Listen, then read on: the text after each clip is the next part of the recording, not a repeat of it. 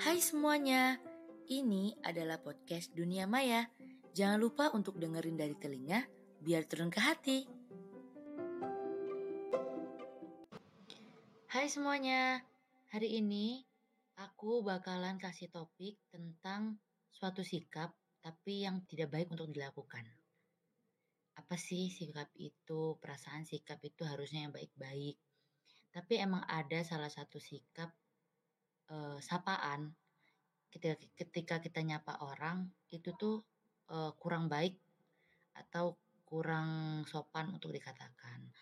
Jadi uh, biasa kan kalau misalkan kita ketemu orang baru ketemu setelah berapa tahun nggak ketemu pasti heboh, pasti pangling kalau kata orang Jawa. Kita bakal uh, sontak untuk membicarakan hal-hal yang barusan kita lihat lagi. Nah, tapi apa sih poinnya yang nggak boleh di sini untuk kita ucapin adalah kalimat-kalimat yang menurut kita itu menghibur, tapi sebenarnya itu tuh bisa menyakiti hati mereka.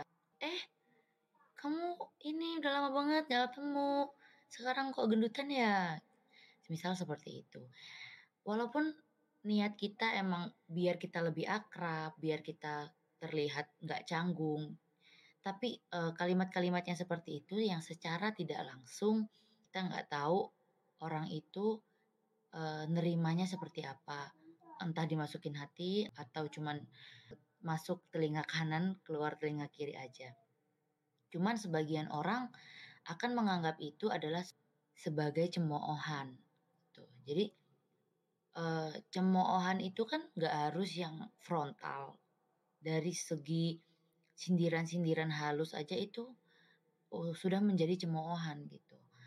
Makanya di sini uh, aku mau nyampein kalau misalkan hal-hal yang seperti itu sebaiknya tidak kita lakukan karena yang hidup di dunia ini kan nggak cuma kita doang.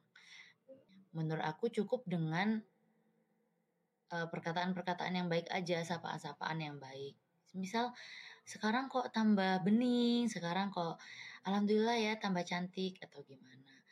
Walaupun mungkin uh, realitanya nggak seperti itu, tapi uh, apa salahnya kita mem berbicara yang baik kepada uh, sesama kita seperti itu.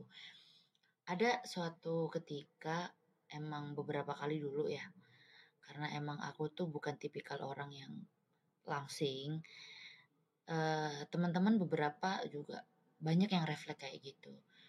Kok sekarang gemukan, kok sekarang jerawatan, bahkan tetangga-tetangga juga seperti itu.